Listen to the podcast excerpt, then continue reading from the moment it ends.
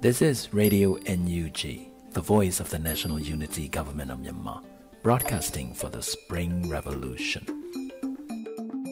Radio NUG is transmitting from shortwave 16 meter 17.710 MHz daily at 8 a.m. and 25 meter 12 MHz at 8 p.m. Myanmar Standard Times.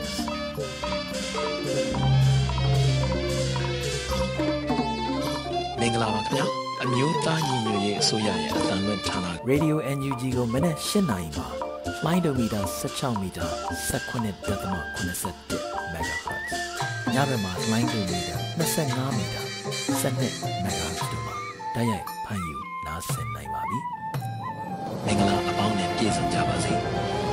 ခုချိန်ကစပြီး Radio NUG အစီအစဉ်လေးကိုဓာတ်ရိုက်အသံလွှင့်ပေးနေပါပြီ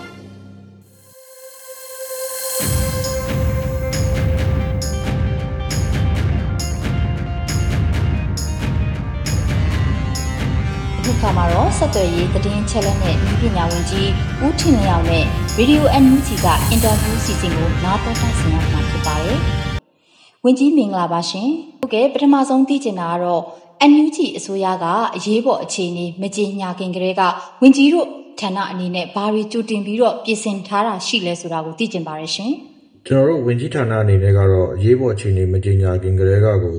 ဒီဆက်သွယ်ရေးနဲ့ပတ်သက်လို့သတင်းချက်လက်နဲ့ပတ်သက်လို့အဲ ကြိုတင်စီစဉ်ထားတာတွေရှိခဲ့တယ်။အဲဤပညာနဲ့ပတ်သက်လို့ဒီ IT ဤပညာနဲ့ပတ်သက်လို့လည်းကျွန်တော်တို့ဘက်ကအများကြီးပြင်ဆင်နေရခဲ့တယ်။အဲဥပမာဖြင့်ရေဒီယိုထုတ်လွှင့်မှုတွေကိုလည်းပြင်ဆင်နိုင်ခဲ့တယ်။အခြားဆက်သွယ်ရေးနဲ့အဲသတင်းဆင်းဆင်းမှုအတွက်ကိုကျွန်တော်တို့ကပြည်တွင်းက reporter တွေအဲသတင်းသမားတွေနောက်တစ်ခါပြည်ပကပညာရှင်တွေပူးပေါင်းပြီးတော့ဆောင်ရွက်နိုင်ခဲ့တာတွေအများကြီးရှိခဲ့တယ်။ဟုတ်ကဲ့ပါလက်ရှိမှာရောဝင်ကြီးဌာနအနေနဲ့မြန်မာပြည်သူတွေနဲ့ထိတွေ့ဆက်ဆံမှုပေါ့နော်ဒီဆက်ဆံရေးထူထောင်ထားနိုင်တဲ့အပိုင်းနဲ့ပတ်သက်ပြီးတော့ဘယ်လိုရှိပါသလဲရှင် နော်တယောက်နဲ့တယောက်ချိတ်ဆက်ပြီးတော့သတင်းပေးဝေမှုဖြန့်ဝေမှုတွေကအလွန်အားကောင်းလာတာကိုတွေ့ရတယ်ဗျလူလူတယောက်ချင်းစီကကိုတာဝန်ကိုယ်စီယူပြီးတော့ကျွန်တော်တို့စီကိုသတင်းတွေပေးနေတာတွေရှိတယ်နော်သူတို့အနေနဲ့ဒီဟာကိုအာတဒတ်တအားပေါ့ဗျာနော်သူတို့တတ်နိုင်တဲ့ဘက်ကနေပြီးတော့သူတို့တွေ့သမျှကြားသမျှမြင်သမျှကိုကျွန်တော်တို့စီကိုသတင်းတွေပေးပြီးတော့ကျွန်တော်တို့ရဲ့အဲ Gen Z တွေကျွန်တော်တို့ရဲ့ PDF တွေ နော်အန်ဒီရမဖြစ်အောင်လို့သူတို့ဘက်ကနေပြီးတော့လူတိုင်းလူတိုင်းကနေပြီးတော့တာဝန်ကိုယ်စီယူပြီးတော့သတင်းပေးနေကြတာတွေရှိရဗျ ဟုတ်ကဲ့ဒါဝင်ကြီးတို့အနေနဲ့ပေါ့နော်ရှစ်ဆက်ပြီးတော့ MOCID ဝင်ကြီးဌာနကဘာတွေဆက်ပြီးတော့လုပ်နေတာရှိပါသလဲရှင် ရှေ့လျှောက်ပြီးတော့လည်းကျွန်တော်တို့က NUG ရဲ့လုပ်ငန်းစဉ်တွေเนาะနိုင်ငံတကာရေးရာနိုင်ငံရေးရာ ပြီးရင်ပြည်တွင်းရေးရာနောက်တစ်ခါကျွန်တော်တို့အခုအဲအရေးပေါ်ကြီးညာထားတဲ့ကိစ္စတွေနောက်တစ်ခါ PDF တွေရဲ့အခြေအနေတွေအားလုံးကိုကျွန်တော်တို့ကအချိန်နဲ့တပြေးညီအဲပြည်သူစီကိုတင်ပြသွားဖို့အတွက်ကိုလည်းကျွန်တော်တို့ကစူးစမ်းဆောင်ရွက်နေပါတယ်ဗျဟုတ်ကဲ့နောက်ထပ်တစ်ခုကတော့ဒီအခုပေါ့နော်မြန်မာပြည်နဲ့ NUG အတွက်နိုင်ငံတကာအတိအမှတ်ပြုမှုအရေးပေါ့နော် UN မှာဆိုရင်တော့ဒါဆုံးဖြတ်ချက်ကဒါ UN ရဲ့ဆုံးဖြတ်ချက်ကယက်နီးလာပြီဆိုတော့လေဒီအရေးနဲ့ပတ်သက်ပြီးတော့ဝင်ကြီးအနေနဲ့ဘယ်လိုပြောချင်ပါလဲရှင် အခုကုလသမဂ္ဂမှာကိုယ်စားလှယ်ရွေးချယ်မဲ့ကိစ္စမှာဆိုရင်လည်းဒါကကြီးမားတဲ့ကိစ္စကြီးပေါ့လေဆိုတော့ဒီကိစ္စမှာကျွန်တော်တို့ကတော့ဖြစ်နိုင်ခြေ၄ခုဆိုပြီးတော့ကျွန်တော်တို့ကအာအာတွက်ဆထားတယ်အဲ့ဒီထဲမှာမှကျွန်တော်ပုဂ္ဂလိကအမြင်ကိုပြောရမယ်ဆိုရင်တော့ဥကြော်မိုးထွန်းကိုဒီနေရာမှာဆက်ထားမယ်လို့ပဲကျွန်တော်တော့ထင်နေတယ်။ဘာဖြစ်လို့လဲလို့မင်းရင်ရင်တော့ကအာသမရာကြီးကခန့်အပ်ခဲ့တာဖြစ်တယ်။အခုလည်းဒီသမရာကြီးကပဲဒီအစိုးရလက်ထက်မှာလည်းအဲဆက်ပြီးတော့တာဝန်ယူထားတယ်။အဲပြီးတော့ ဒီလိုမျိုးကိစ္စတွေမှာသူတို့အနေနဲ့ပြောင်းလဲလုပ်လို့ထားမရှိဘူးပေါ့နော်။အဲ UN အနေနဲ့လေဆိုတော့ဒါကကျွန်တော်တွက်ဆတဲ့အချက်ပေါ့။အဲနောက်ထပ်ကျွန်တော်အမြင်ဒုတိယဖြစ်နိုင်ဆုံးအမြင်ကိုပြောရမယ်ဆိုလို့ရှိရင်တော့အဲဒီကိစ္စကိုမစင်စားဘူးเนาะဆက်ပြီးတော့စဉ်းစားဖို့မရှိဘူးဥကြုံမို့ထုံးပဲဒီနေရာမှာပဲဆက်ထားပြီးတော့နောက်တစ်ချိန်ကျမှစဉ်းစားမယ်လောလောဆယ်မှာဒီ credential ကိစ္စကိုမစဉ်းစားဘူးဆိုပြီးတော့သူတို့အဲ defer လုပ်လိုက်မဲ့အနေအထားမျိုးပေါ့ဒီနှစ်ခုအခါဖြစ်နိုင်ဆုံးလို့ကျွန်တော်ကတော့ထင်တယ်ဗျ နောက်ဆုံးအဲ့ဒီလိုမှဖြစ်မလာခဲ့ဘူးကျွန်တော်တို့ကအစိုးဆုံးဖြစ်လာခဲ့မယ်ဆိုရင်လည်းကျွန်တော်တို့ကရှေ့ရှေ့ရှေ့ဆက်ပြီးတော့ဒီစစ်ကောင်စီကိုဖြုတ်ချဖို့ဆိုတဲ့နီလန်ပေါင်းစုံနဲ့ကျွန်တော်တို့ကသွားဖို့ပြင်ဆင်ထားပြီးသားဖြစ်တယ်လေအဲ့တော့လူမှုအနေနဲ့ကဒီပေါ်မှာရသည်ဖြစ်စေမရသည်ဖြစ်စေအဲကျွန်တော်တို့အနေနဲ့က NUG ကနေပြီးတော့လူလူရှိကနေမမမတ်ရက်ပြီးတော့အဲစစ်ကောင်စီကိုဖြုတ်ချပြီးတော့ကျွန်တော်တို့ သွားရမယ်ခရီးလမ်းဆုံးပေါ့လေဒီ Federal Democracy စနစ်ကိုသွားမယ်ဆိုတာကိုတော့ကျွန်တော်အနေနဲ့တိတိပပပြောချင်တယ်ဗျဟုတ်ကဲ့ဒီနောက်ထပ်ဒီသိချင်တာလေးရတော့ပေါ့နော်ဒီ NUG အစိုးရကအရေးပေါ်အခြေအနေကြီးညာပြီးတော့ဒီစိန်ခေါ်မှုတွေ PR တွေတိုးလာတဲ့အပေါ်မှာရောဝင်ကြီးအနေနဲ့ဗာပြောချင်လဲရှင် NUG အနေနဲ့ကတော့ဗျာနိုင်ငံရေးရဆိုလို့ရှိရင်သူကတိုင်းရင်းသားတွေနဲ့ပူးပေါင်းပြီးတော့ကျွန်တော်တို့ပြည်တွင်းမှာအာ Federal စနစ်ပေါ်ဆောင်ဖို့ နော်ပြီးလို့ရှိရင် democracy စနစ်ပေါ်ဆောင်ဖို့ဆိုတဲ့ကိစ္စတွေကိုအဲအများသဘောတူညီချက်တွေရပြီးတော့နော် constitution ဘယ်လိုဆွဲမလဲအဲဘယ်လိုသွားမလဲဆိုတဲ့ဟာတွေကိုညှိနှိုင်းနေရတဲ့ကိစ္စတွေရှိနေသလိုနိုင်ငံတကာကနေပြီးတော့လည်းအာ PR တွေပေးနေတာတွေရှိတာပေါ့ဗျာနိုင်ငံတကာရဲ့ဒီ ASEAN ရဲ့ PR တွေအခြားနိုင်ငံတကာရဲ့ပူးပေါင်းဆောင်ရွက်မှုတွေလည်းကျွန်တော်တို့ကတော့ရှိနေတာပေါ့ဒါအပြင်စီရေးအနေနဲ့ကြတော့လေအခုကတကယ်ကိုရက်ဆက်ရုပ်မှာကောက်ကျစ်တဲ့ အဲစစ်ဘလူးတွေနဲ့ကျွန်တော်တို့ကရင်ဆိုင်နေရတဲ့ကာလမှာဒီ local PDF တွေနောက်တစ်ခါအဲကျွန်တော်တို့ NUG ရဲ့ကာကွယ်ရေးဝန်ကြီးဌာနကနေဖွဲ့ထားတဲ့ PDF တွေသူတို့တွေကိုကျွန်တော်တို့ကအာ ဥပဒေတွေအဲစီမင်းစည်းကမ်းတွေနဲ့ထိန်းချောင်းပြီးတော့ပေါ့နော်လူတို့ကိုမထိခိုက်ခြင်းမဲ့နီလန်းတွေနဲ့တွားနေရတဲ့ကိစ္စတွေရှိတယ်အဲပြီးတော့ဒီစစ်ကောင်စီကိုပြန်ပြီးတော့တွန်းလှန်ဖို့ဆိုတဲ့ကိစ္စတွေရှိတယ်ဆိုတော့ PR တွေကတော့တော်တော်များပါတယ်ဒါပေမဲ့အဲ့ဒီ PR တွေကိုကြော်လွန်ပြီးတော့ကျွန်တော်တို့ကဘယ်လိုတွားမလဲဆိုတဲ့ဟာတွေကိုလည်းကျွန်တော်တို့ကနေတိုင်းကိုစီဝေးတွေထိုင်ပြီးတော့ကျွန်တော်တို့ကစဉ်းစားဆုံးဖြတ်ပြီးတော့လှုပ်ဆောင်နေတာတွေရှိပါတယ် ဟုတ်ကဲ့ပါနောက်ဆုံးအနေနဲ့ပေါ့နော်ဒီအခုဒီမေးမြန်းသွားတဲ့ပုံမှာပေါ့နော်ဝင်ကြီးအနေနဲ့ဒါဝင်ကြီးဦးထင်နေအောင်အနေနဲ့ဗာမြန်ထက်ပြီးတော့ဖြစ်ဆွက်ပြောချင်ပါလဲရှင်ကျွန်တော်တို့ Radio NUG နဲ့ PVTV ကတော့ဗျာလူတို့ရဲ့တခဲနဲ့အားပေးထောက်ခံမှုကိုအင်မတန်ကိုရထားတယ်လို့ပြောလို့ရတာပေါ့နော်စထွက်ဟိဆိုကြတဲ့ကတော်တော်ကိုလူတို့ကအားပေးတာတော်တော်ကိုမျှော်လင့်ထားတာဆိုတော့ကျွန်တော်အနေနဲ့စူးစမ်းရကြိုးလဲနှက်တယ်ဗျာအဲဆက်ပြီးတော့လဲပိုကောင်းအောင်လို့ကျွန်တော်တို့ကစူးစမ်းနေပါတယ်နော် ကျွန်တော်တို့အဲ့ဒီလိုစူးစမ်းဆောင်ရွက်ရမှာအာကျွန်တော်တို့စီကိုသတင်းပေးပို့ကြတဲ့မြန်မာလူတူကြီးတစ်ခုလုံးပေါ့ဗျာပြီးလို့ရှိရင်တော့ကျွန်တော်တို့ရဲ့သတင်းတောက်တွေပြီးလို့ရှိရင်အဲ radio NUG အဲနောက် PVTV ဒါအပြင်အဲ့ဒီ radio ရော TV ရောထုတ်လွှင့်နိုင်ဖို့အတွက်အဲအဖက်ဖက်ကနေပြီးတော့လုပ်ပေးနေတဲ့ဝိုင်းဝန်းကူညီပေးနေတဲ့ကျွန်တော်တို့ရဲ့ပညာရှင်တွေเนาะပြီးလို့ရှိရင်အမှုပညာရှင်တွေပေါ့ဗျာအထူးသဖြင့်တော့เนาะအမှုပညာရှင်တွေလည်းဝိုင်းဝန်းပြီးတော့ကျွန်တော်တို့ကိုကူညီကြတာအများကြီးပဲ ဆိုတော့တော်တော်ကိုအားရဖို့တော့ကောင်းပါတယ်အဲ့ဒီလူတွေအားလုံးကိုကျွန်တော်အနေနဲ့ကျေးဇူးတင်ကြောင်းပြောလိုပါတယ်ဗျဟုတ်ကဲ့ပါအခုလိုပြည်သူတွေသိချင်တဲ့အကြောင်းအရာတွေကိုပြည့်ပြည့်စုံစုံဖြေကြားပေးတဲ့ဝင်ကြီးဦးထင်လျောင်ကိုကျမတို့ Radio NUG အဖွဲ့သားတွေရဲ့ကိုစားကျေးဇူးထူးပဲတင်ရှိပါတယ်ရှင်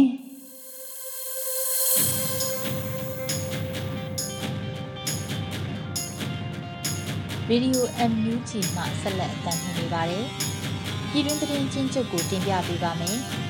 ကျမကတော့ຫນွေဦးရွှေဝါဖြစ်ပါတယ်။10ရက်6လ2021ပြည်ရင်းသတင်းများကရင်ပြည်နယ် PDF ကိုကူညီတည်ဟုဆိုကစက်တင်ဘာလ9ရက်နေ့ညကဖအံမြို့ကန်အချို့အာနာသိန်းစစ်ကောင်စီမှဖမ်းဆီးသွား စက်တင်ဘာ9ရက်နေ့ညက PDF လူငယ်တွေနဲ့ဆက်သွယ်ကူညီနေတယ်လို့ဆွဆွဲပြီး ကရင်ပြည်နယ်ဖအံမြို့မှာပြည်တော်စုရက်ကွက်နေ KM Mobile ဆိုင်ပိုင်ရှင်နဲ့အပါအဝင် ပြည်သူအချို့ကို စစ်တပ်မှ ဖမ်းဆီးခေါ်ဆောင်သွားတယ်လို့ မြို့ကန်တွေက ဆိုပါတယ်။ဘဲကို ဖမ်းဆီးခေါ်ဆောင်သွားမှမသိသေးသလို ဖမ်းဆီးခံရသူတွေမှာ မိသားစုဝင်တွေနဲ့လည်း တွေ့ခွင့်မရသေးပါဘူး။ဒီအကြောင်းအရာနဲ့ ပတ်သက်ပြီးဖအံမှာနေတဲ့ ပြည်သူတအူးကို မေးမြန်းကြည့်ရမှာ။ မနေ့ည ၈ နာရီကျော်ကျော်လောက်မှာ ပြည်ထောင်စုမှာနေတဲ့ KM Mobile ဆိုင်ပိုင်ရှင်ကတထေးရော တခြားသူတွေရော အားလုံး ၁၀ ယောက်လောက်ရှိမယ် ဖမ်းသွားတာ PDF လူငယ်တွေနဲ့ ဆက်သွယ်တယ် ကူညီပေးနေတယ်လို့ ပြောပြီး ဖမ်းသွားတာဖြစ်တယ်။အခုချိန် မိသားစုတွေနဲ့ အဆက်အသွယ်လည်း မရသေးဘူးလို့ သူကပြောပါတယ်။အခုချိန်ထိ ဖမ်းဆီးခံသူတွေ ပြန်လည်လွတ်မြောက်ခြင်း မရှိသေးဘူး။ဖမ်းဆီးခံရသူ တော်တော်များများဟာ ငွေကြေးချမ်းသာသူတွေ ဖြစ်ကြတယ်လို့လည်း ဒေသခံတွေက ဆိုပါတယ်။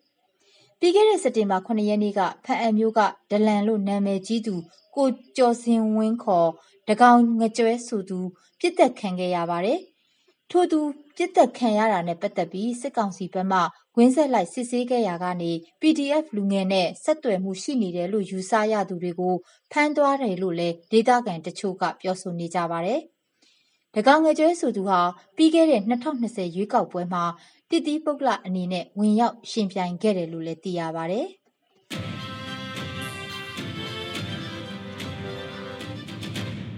ရရန်ကုန်မြို့နေရာတော်တော်များများမှာအာဏာသိမ်းစစ်ကောင်စီမှလုံခြုံရေးတင်းကျပ်ထားပြီးပြည်သူပိုင်ပစ္စည်းတွေကိုလူရဲမှုများပြုလုပ်လျက်ရှိဆိုတဲ့သတင်းကိုပြောပြပေးခြင်းပါတယ်။ စမ်းချောင်းမြို့နယ်ပါဝင် ရန်ကုန်နေရာတော်တော်များများမှာ စစ်ကောင်စီတပ်မှ လုံခြုံရေးတင်းကျပ်ထားပြီး ဥပဒေမဲ့စွာ ပြည်သူပိုင်ဈေးဆိုင်တွေကို ဖျက်ဆီးတာတွေလှုပ်ဆောင်နေကြောင်း ရန်ကုန်မြို့ကန်များက ပြောပါတယ်။စမ်းချောင်းမြို့နယ် ဂွာဈေးအနီး စက်တင်ဘာ ၉ ရက်နေ့က စစ်တပ်ကင်းလှည့်ကာဗုံးခွဲခံရပြီး နောက်တရက်ဖြစ်တဲ့ ဒီကနေ့မှာ စမ်းချောင်းမြို့နယ် လမ်းတော်တော်များများကို ပိတ်ဆို့ထားသလိုဂွာဈေးအနီးဈေးဆိုင်ခန်းများကိုပါပိတ်သိမ်းထားခဲ့ပြီးဈေးဆိုင်ထဲကပစ္စည်းတွေကိုလည်းလုယူကာဆိုက်ကားနဲ့စက်ဘီးများကိုလည်းအတင်းအဓမ္မလုယူသိမ်းဆည်းနေတာတွေရှိတယ်လို့သိရပါတယ်။ဒီသတင်းနဲ့ပတ်သက်ပြီးစမ်းချောင်းမှာနေထိုင်သူတဦးကိုဆက်သွယ်မေးမြန်းကြည့်ရာမှာတော့မနက်ကတည်းကကျမတို့ဆိုင်တွေကိုပိတ်ခိုင်းထားတယ်။လမ်းဘေးဈေးသည်တွေကိုလည်းစည်ပင်နဲ့လာဖမ်းတယ်။ပစ္စည်းတွေအကုန်လုံးကိုသိမ်းသွားတယ်။ အဲ့လမ်းထဲမှာရှိနေတဲ့စိုက်ကားတွေရောစပိန်တွေရောအကုန်လုံးကားပေါ်တင်ပြီးယူသွားတယ်လို့ဂွာဈေးနီးမှာနေထိုင်သူကဆိုပါတယ်။လက်ရှိမှာတာဂေတမယန်းကုန်းတောင်ကလာပရန်ကုန်မြို့လေကောင်6မြို့နယ်မြောက်ကလာပတောင်တကုံမြောက်တကုံတကုံစိတ်ကန်းအရှိတကုံအပါဝင်မြို့နယ်အများစုမှာလည်းလုံခြုံရေးတွေတင်းကျပ်ထားပါတယ်။တမိုင်းဘက်မှာလည်းနေရာတော်တော်များများမှာ ကင်းဘုံလိုပုံစံမျိုးအရက်ဝတ်နဲ့လူတချို့ထားရှိထားကြောင်းလဲတမိုင်းဘက်နေထိုင်သူပြည်သူတဦးထံမှသိရပါဗျ။အလားတူတောင်တကုံတာကေတာနဲ့မယန်းကုန်းမြို့နယ်တွေမှာလည်းကင်းဘုံထားရှိထားတယ်လို့သိရပါဗျ။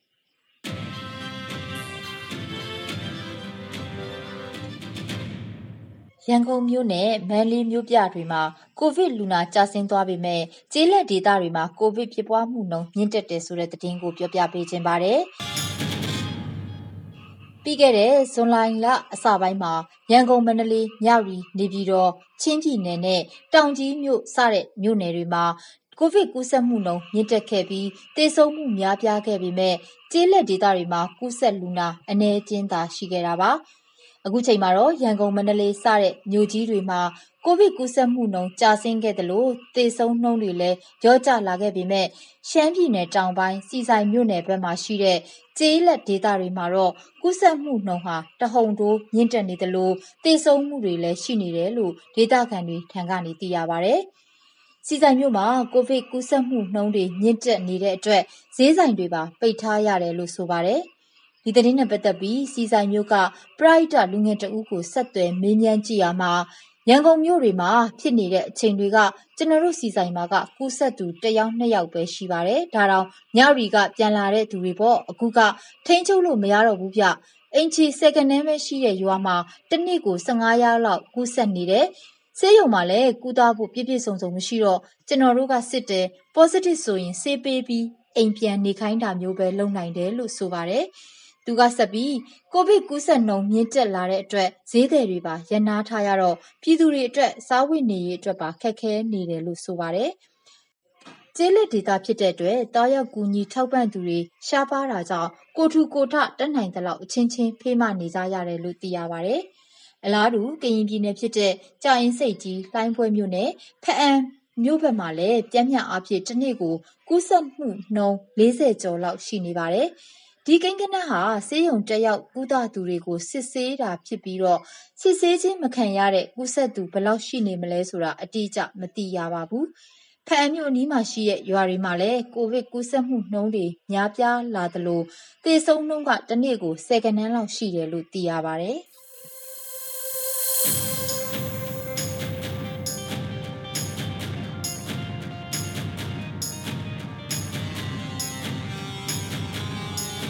ကာကွယ်ရေးဝန်ကြီးဌာနအမျိုးသားညီညွတ်ရေးအစိုးရမှထုတ်ဝေသောနေ့စဉ်စီးရေးသတင်းချုပ်ကိုတင်ဆက်သွားမှာဖြစ်ပါတယ်ရှင်။ကျမຫນွေဦးနှင်းစီပါ။စက်တင်ဘာလ10ရက်နေ့ကမကွေးတိုင်းရန်ကုန်တိုင်းရှမ်းပြည်နယ်ကချင်ပြည်နယ်ချင်းပြည်နယ်များမှာတရားသောခုခံတော်လှန်စစ်ပွဲ9ခုတက်မင်းဖြစ်ပွားခဲ့ပါတယ်။အကြံဖက်စစ်ကောင်စီတပ်သား6ဦးထက်မင်းတေဆုံးခဲ့တယ်။အပြစ်မဲ့ဒေသခံ19ဦးထက်မင်းအဖမ်းဆီးခံရက နှစ်ဦးအကြောင်းမဲ့တနက်ပစ်ခံခဲ့ရပါတယ်။စကိုင်းတိုင်းဝက်လက်မြို့နယ်ရွှေပန်းကုန်းကြေးရွာမှာဖမ်းဆီးထိန်းသိမ်းထားတဲ့ PDF တပ်သား2ဦးကိုရွှေပန်းကုန်းရဲစခန်းမှာပြစ်တက်ခဲ့ခြင်းဟာအာနာသိန်းစစ်ကောင်စီအနေဖြင့်ဂျနီဗာကွန်ဗင်းရှင်းကိုပြောင်ပြောင်တင်းတင်းဖောက်ဖျက်ကစစ်ရာဇဝတ်မှုကိုကျူးလွန်လိုက်ခြင်းဖြစ်ပါတယ်။ မကွေးတိုင်းကံကောမြို့နယ်မြင်းသားရွာတွင်ကြာရှုံးခဲ့သောပြည်သူ့ကာကွယ်ရေးတပ်သားများကိုကျွန်ုပ်တို့ကာကွယ်ရေးဝန်ကြီးဌာနမှလေးလေးနက်နက်ဂုဏ်ပြုဥညွှတ်လိုက်ပါတယ်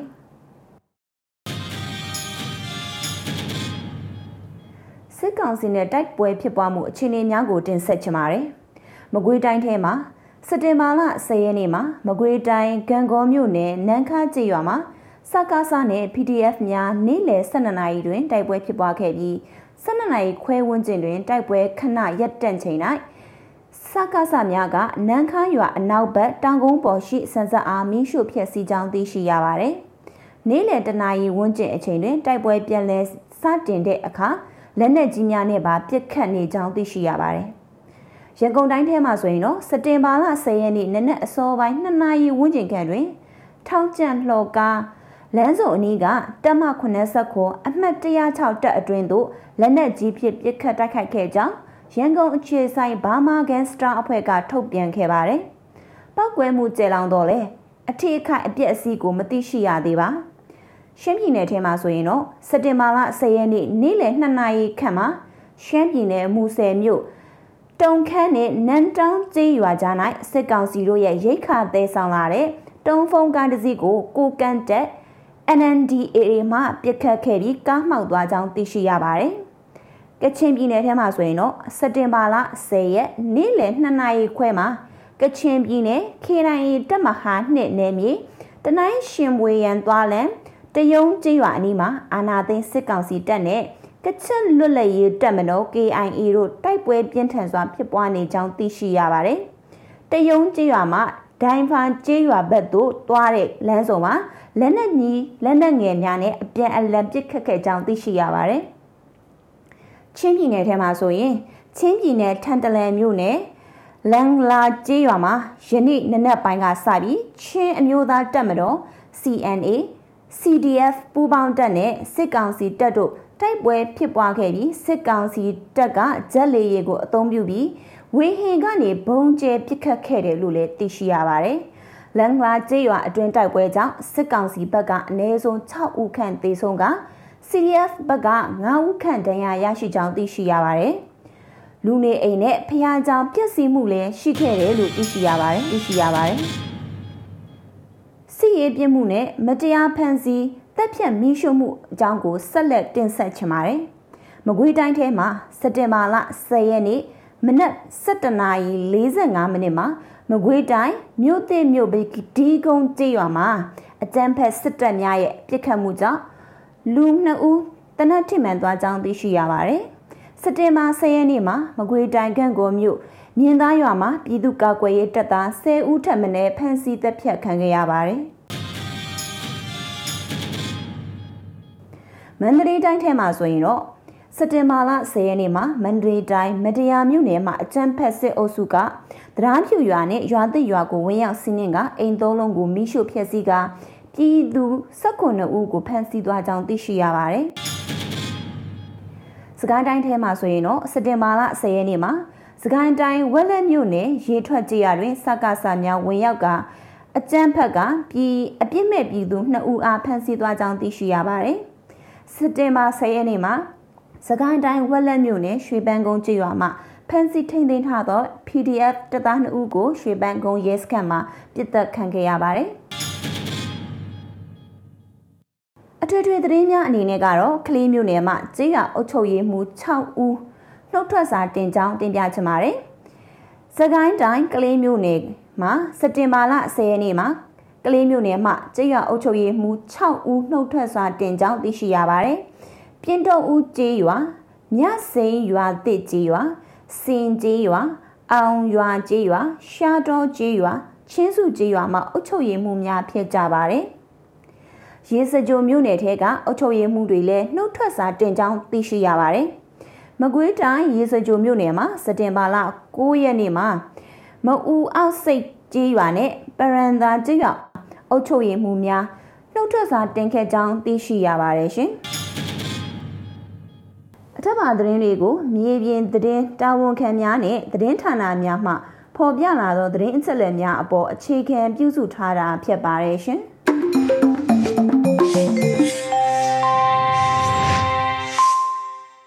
ပြည်သူလူထုအားလုံးပဲမင်္ဂလာပါရှင်ယောဂဗျာတွေဆင်းရဲမွန်းကျပ်မှုတွေစတဲ့စစ်အာဏာရှင်ရဲ့စနစ်ဆိုးရဲ့ခါးသီးတဲ့လောကဓာတ်တွေကိုဒီအချိန်မှာအားလုံးခံစားကြနေရတာမို့လို့စာနာနားလည်မိပါတယ် ပြည်သူလူထုကိုသာအလုတ်ကျွေးပြုလို့တဲ့နိုင်ငံဝန်ထမ်းတွေရဲ့ CDM လှုပ်ရှားမှုဟာလည်းတကယ်ကိုအားရစရာကောင်းတယ်လို့စစ်အာဏာရှင်ကိုတော်လှန်လိုပါရက်နဲ့မိသားစုဘဝလုံခြုံရေးတွေစစ်အာဏာရှင်လက်အောက်မှာမနေခြင်းပဲနေနေရဆဲဖြစ်တဲ့တပ်မတော်သားတွေရဲတပ်ဖွဲ့ဝင်တွေကိုလည်းစာနာနားလည်မိပါတယ်။အမြန်ဆုံးရုံထွက်နိုင်မယ်လို့လည်းယုံကြည်ပါတယ်။ပြည်သူရင်ခွင်ကနေလည်းအမြဲကြိုဆိုလျက်ရှိပါတယ်။အခုချိန်မှာတော့တနိုင်ငံလုံး လှဲနေလှဲအောင်မြင်းစားမကြံစစ်အာဏာရှင်ကိုတော်လှန်မဲ့ပြည်သူတော်လှန်ရေးနေစတင်ပြီလို့ကျမတို့ရဲ့ပြည်ထောင်စုသမ္မတမြန်မာနိုင်ငံတော်အမျိုးသားညီညွတ်ရေးအစိုးရနိုင်ငံတော်ယာယီသမ္မတကြီးကလည်း2021ခုနှစ်စက်တင်ဘာလ9ရက်နေ့မှာနိုင်ငံတော်အရေးကြီးမိန့်ခွန်းမှာထည့်သွင်းပြောကြားသွားခဲ့ပြီးဖြစ်ပါတယ်။တော်လန်စစ်ရဲ့အရှုံးအနိုင်ကိုပြည်သူလူထုကသာအဆုံးဖြတ်ပေးနိုင်မှာဖြစ်ပါတယ်။တော်လန်စစ်မှာ တော်လန်ရေးအတွေးအခေါ်နဲ့ယုံကြည်ချက်ခိုင်မာပြတ်သားသူ10ယောက်ဟာတော်လန်ရေးကိုပုပ္ပလိကအခွင့်အလမ်းခံစားချက်တွေနဲ့လှုပ်ဆောင်သူအယောက်တစ်ထောင်ထက်ပိုပြီးတန်ဖိုးရှိပါတယ်။တော်လန်ရေးအောင်မြင်မှုအတွက်အတွေးအခေါ်နဲ့ယုံကြည်ချက်ခိုင်မာမှုပြည်သူလူထုကိုစီးရုံးနိုင်မှုနဲ့နိုင်ငံရေးအားကောင်းခိုင်မာမှုတို့အပေါ်မှာမူတည်တာဖြစ်တဲ့အတွက်ကြောင့်လို့အတွေးအခေါ်နဲ့ယုံကြည်ချက်ခိုင်မာတဲ့တော်လှန်ရေးအင်အားစုတွေ ပြည်သူလူထုရဲ့အင်တိုက်အားတိုက်ပါဝင်မှုတွေအမျိုးသားညီညွတ်ရေးအစိုးရရဲ့ရင့်ကျက်ပြည့်စုံတဲ့နိုင်ငံရေးအင်အားတွေဟာလူထုတော်လှန်ရေးကြီးမလွဲမသွေအောင်မြင်မှုတေချာလှပါတယ်။အဲ့ဒီလိုလူထုတော်လှန်ရေးကာလပြိပခချာမှာပြည်သူတွေအန္တရာယ်ကင်းစေဖို့မြို့သားညီညွတ်ရေးအစိုးရလူသားချင်းစာနာထောက်ထားရေးနဲ့ဘေးအန္တရာယ်ဆိုင်ရာစီမံခန့်ခွဲရေးဝန်ကြီးဌာနအနေနဲ့ ပြိပခများကြိုတင်ပြင်ဆင်ရမယ့်အချက်တွေကိုထုတ်ပြန်ခဲ့တာတွေကိုကျမအနေနဲ့ပြန်လည်တင်ပြပေးမှာဖြစ်ပါတယ်။ပြိပခကာလအတွင်းမှာအ ਨੇ ဆုံးနှစ်ပတ်စာအစားအစာနဲ့အာဟာရကိုပြင်ဆင်ထားရပါတယ်။လမ်းပန်းဆက်သွယ်ရေးတွေပြတ်တောက်သွားတဲ့အခါကုန်စည်စည်းစိမ်မှုတွေလည်းရပ်တန့်သွားမှာဖြစ်ပါတယ်။အဲ့ဒါကြောင့်မလို့စံစီစာကြက်သွန်နေစားတဲ့အချောက်အချမ်းနေစီသွတ်ဘူးတွေခောက်ဆွဲကြောက်မုံကြောက်တွေကိုနှစ်ပတ်စာစုဆောင်းမှုဖြစ်ပါတယ်။ နောက်တစ်ခုအနေနဲ့ကျန်းမာရေးအတွက်အရေးပေါ်ဆေးဝါးတွေလည်းစုဆောင်းထားရမှာဖြစ်ပါတယ်။ပရိပခကာလအတွင်းမှာကျန်းမာရေးဝန်ထမ်းအခက်အခဲဆေးဝါးအခက်အခဲတွေရှိနေမှာဖြစ်တဲ့အတွက်ဖျားနာကြိုက်ခဲပျောက်ဆေးတွေမိမိကျန်းမာရေးအခြေအနေက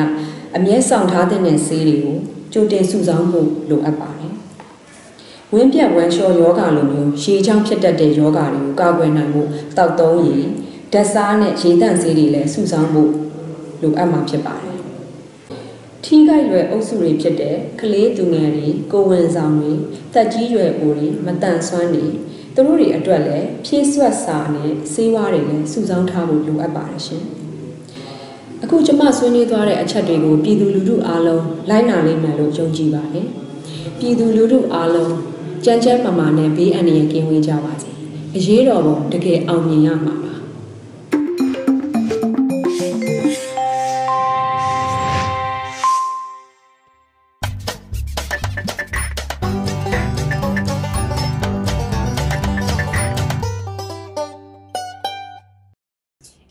င်္ဂလာပါညီမကတော့မြန်တော်ပြပဲဖြစ်ပါတယ်အပတ်စဉ်တင်ဆက်ပေးနေကြဖြစ်တဲ့သတင်းသားချင်းသားအစီအစဉ်လေးပြန်လည်ကြိုဆိုလိုက်ပါတယ်ဒီတစ်ပတ်မှာလည်းအင်တာနက်ပေါ်မှာပြန့်နှံ့နေတဲ့သတင်းမားတွေထဲကတက်ရောက်မှုကြီးမားတဲ့သတင်းမားတွေကို PVTV အဖွဲ့သားတွေကအချက်လက်စီစစ်ပြီးတော့ဘယ်ဟာကသတင်းမားဖြစ်ကြောင်းအားလုံးကိုအသိပေးသွားမှာပဲဖြစ်ပါတယ်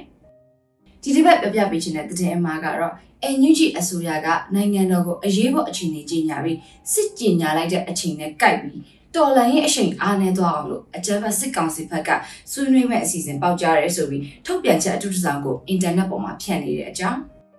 KNDO နယ်မြေကနေထိုင်းကိုထွက်ပြေးလာတဲ့သူတွေရဲ့ပြောပြချက်အရ KNDO အဖွဲ့ကဘူနာသားများကိုယ်တိုင်ဦးဆောင်ပြီးတောခုအမျိုးသမီး200ကျော်ကိုအတ္တမပြုကျင့်ပြီးအမျိုးသား900ကျော်ကိုတရှိုဆိုပြီးတပ်ဖြတ်ထားတယ်ဆိုပြီးဖြန့်နေတဲ့တဲ့အမှားနဲ့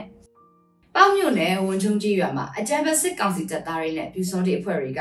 နေအိမ်တွေကိုဖျက်ဆီးတာကိုဖုံးကွယ်ဖို့အတွက် PDF တပ်ဖွဲ့ဝင်တွေကလုပ်တယ်ဆိုပြီးဖြန့်နေတဲ့သတင်းမှအကြောင်းအရာလိုပဲဖြစ်ပါတယ်။အရင်ဆုံးပြပြပေးခြင်းတဲ့သတင်းမှကတော့ NUG အစိုးရကနိုင်ငံတော်ကိုအရေးပေါ်အခြေအနေကြီးညာပြီးစစ်ကြေညာလိုက်တဲ့အချိန်နဲ့ကြိုက်ပြီးတော်လန်ရေးအရှိန်ကိုအားနေတော့အကြမ်းဖက်စစ်ကောင်စီဘက်ကဆွေးနွေးမဲ့အစီအစဉ်ပေါက်ကြားတယ်ဆိုပြီးထုတ်ပြန်ချက်အတူတစားကိုအင်တာနက်ပေါ်မှာဖြန့်နေတဲ့အကြောင်းအရာပဲဖြစ်ပါတယ်။ အဲ့ဒီသတင်းမှာထုတ်ပြန်ချက်အတူကိုစက်တင်ဘာ9ရက်နေ့မှာစတင်ဖြန့်ဖြူးခဲ့တာပဲဖြစ်ပါတယ်။အဲ့ဒီထုတ်ပြန်ချက်အတူကနိုင်ငံတော်ရဲ့အခြေအနေအရရက်ကိုပြန်လည်သုံးသပ်ပြီးပြည်သူလူထုအားအသိပေးခြင်းဆိုပြီးခေါင်းစဉ်တက်ထားတာပဲဖြစ်ပါတယ်။ထုတ်ပြန်ချက်တဲ့ပါဝင်တာကတော့ဖန်ဆီးခံထားရတဲ့နိုင်ငံတော်သမ္မတဦးဝင်းမြင့်နဲ့နိုင်ငံတော်အတိုင်ပင်ခံပုဂ္ဂိုလ်ဒေါ်အောင်ဆန်းစုကြည်တို့ကိုချွင်းချက်မရှိပြန်လဲလွတ်ပေးမယ်။ NUG အစိုးရဘက်ကတာဝန်ရှိသူတွေနဲ့တွေ့ဆုံဆွေးနွေးပြီး2021ခုနှစ်ဒီဇင်ဘာ18ရက်မှာရွေးကောက်ပွဲပြန်လည်လုပ်ပေးမယ်ဆိုပြီးရေးသားဖြန့်ဖြူးထားတာပဲဖြစ်ပါတယ်။အဲ့ဒီကြီးညာချက်အတူကရုံးစာပုံစံအတိုင်းတစ်တိချာချာစနစ်တကျထုတ်ပြန်ခဲ့တာမို့လို့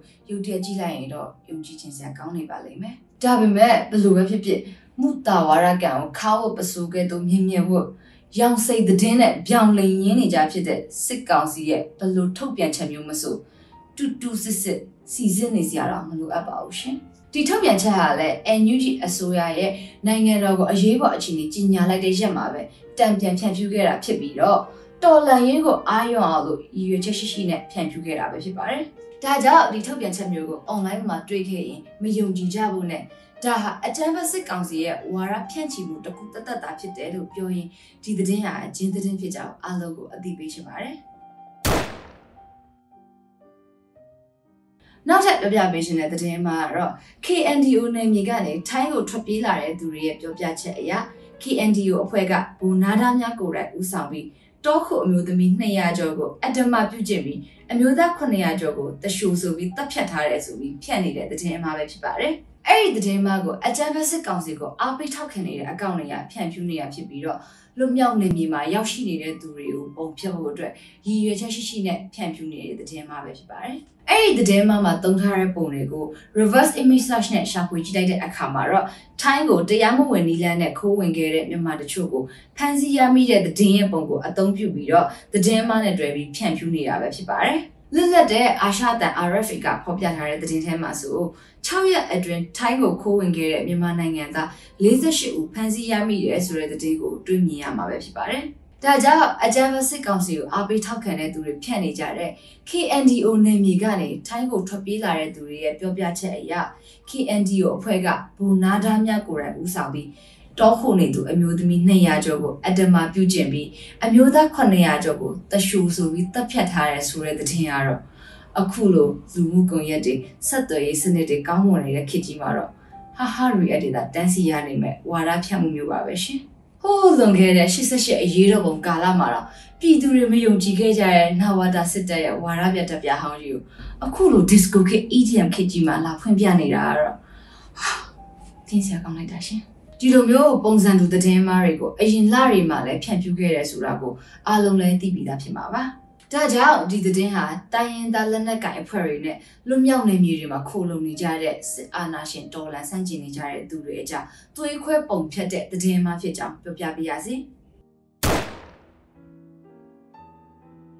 နောက်ထပ်ပြောပြပေးသွားမယ့်သတင်းမှာတော့ပေါ့မြို့နယ်ဝန်ချုံကြီးရွာမှာအကြမ်းဖက်စစ်ကောင်စီတပ်သားတွေနဲ့လူစောတိအဖွဲ့တွေက နေအိမ်တွေကိုဖျက်ဆီးတာကိုဖုံးကွယ်ဖို့အတွက် PDF တပ်ဖွဲ့ဝင်တွေကလှုပ်တယ်ဆိုပြီးလှုပ်ကြံဖြန့်နေတဲ့သတင်းမှအကြောင်းပဲဖြစ်ပါတယ်။အချက်လက်စစ်စစ်ကြည့်လိုက်တဲ့အခါမှာပေါင်မြို့နယ်ဝန်ချုံကြီးရွာမှာစက်တင်ဘာ2ရက်ကတည်းကအကြမ်းဖက်စစ်ကောင်စီတပ်ဖွဲ့ဝင်တွေကဝင်ရောက်စီးနင်းပြီးလူနေအိမ်တွေကိုမိရှုဖျက်ဆီးမှုတွေလုပ်နေတဲ့အကြောင်းကိုဓာတ်ပုံသက်သေတွေနဲ့တကွရှမ်းတန်တော်စစ်သတင်းမှာဖော်ပြထားတာကိုတွေ့ရှိရပါတယ်။ ဒါအပြင်ပေါင်မြို့နယ်ဟစ်တိုင်မှာဖော်ပြထားတာကလည်းဝန်ချုံရွာဘုံကြီးကျောင်းမှာတက်ဆွဲထားတဲ့စစ်ကောင်စီတပ်သားတွေနဲ့လူစောတိအဖွဲ့က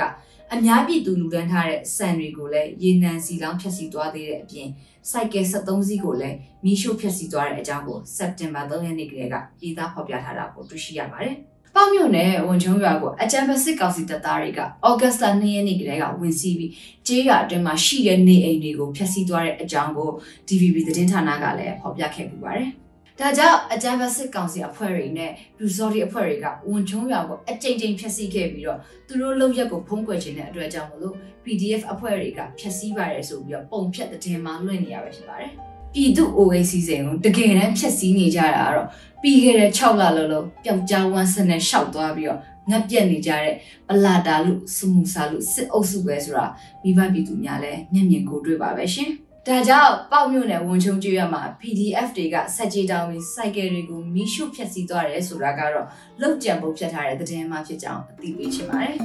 ဒီကနေ့တော့ဒီညနဲ့ပဲ Radio NUG အစီအစဉ်လေးကိုကိတ္တ ရန်နာလိုက်ပါမယ်မြန်မာစံတော်ချိန်မနေ့၈နာရီညနေ၈နာရီတို့မှာပြန်လည်တွေ့ဆုံကြပါစို့မိုက်ဒိုမီတာ16 19တက်သမ9တက်ဆုံည MHz မှာဖမ်းယူ